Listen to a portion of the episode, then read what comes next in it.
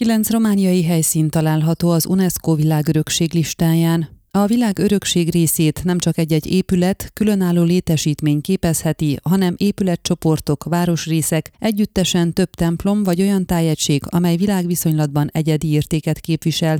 Romániában összesen kilenc helyszín került fel az UNESCO világörökségi listájára, valamint további 16 a javaslati listán várakozik a felvételre. Erdélyben az erőt templomos falvak, Berethalom, Kelnek, Nagybaromlak, Prázsmár, Százfehéregyháza, Százkézdés Székelyders szerepelnek a listán, akárcsak Segesvár történelmi központja. Ugyanakkor megtaláljuk a dák erődítményeket Szászváros közelében, Máramaros fa templomait, Barcánfalva, Budfalva, Desze, Jód, Nyárfás, Sajómező, Rogoz, Dióshalomfalvakból, az észak-moldvai kolostorokat Árbore, Humor, Moldovica, Pötrauc, Szucsáva, Voron Donetsz, Szucsevica nevezetességeit, valamint a Horezu kolostort.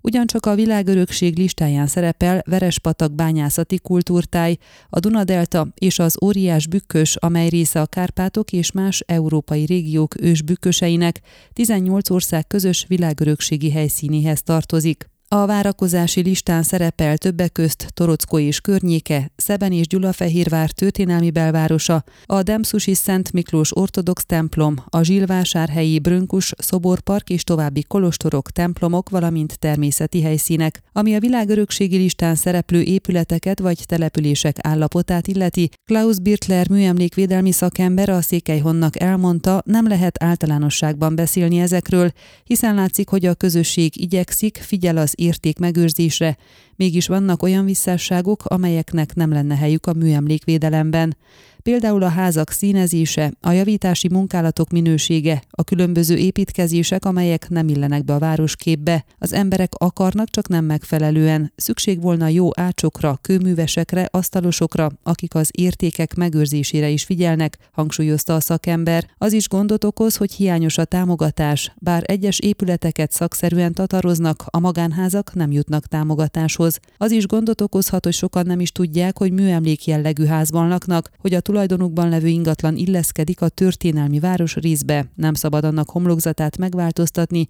vagy olyan javításokat végezni rajta, ami nem illik bele az utcaképbe. Ön a Székelyhon aktuális podcastjét hallgatta. Amennyiben nem akar lemaradni a régió életéről a jövőben sem, akkor iratkozzon fel a csatornára, vagy keresse podcast műsorainkat a székelyhon.pro portálon.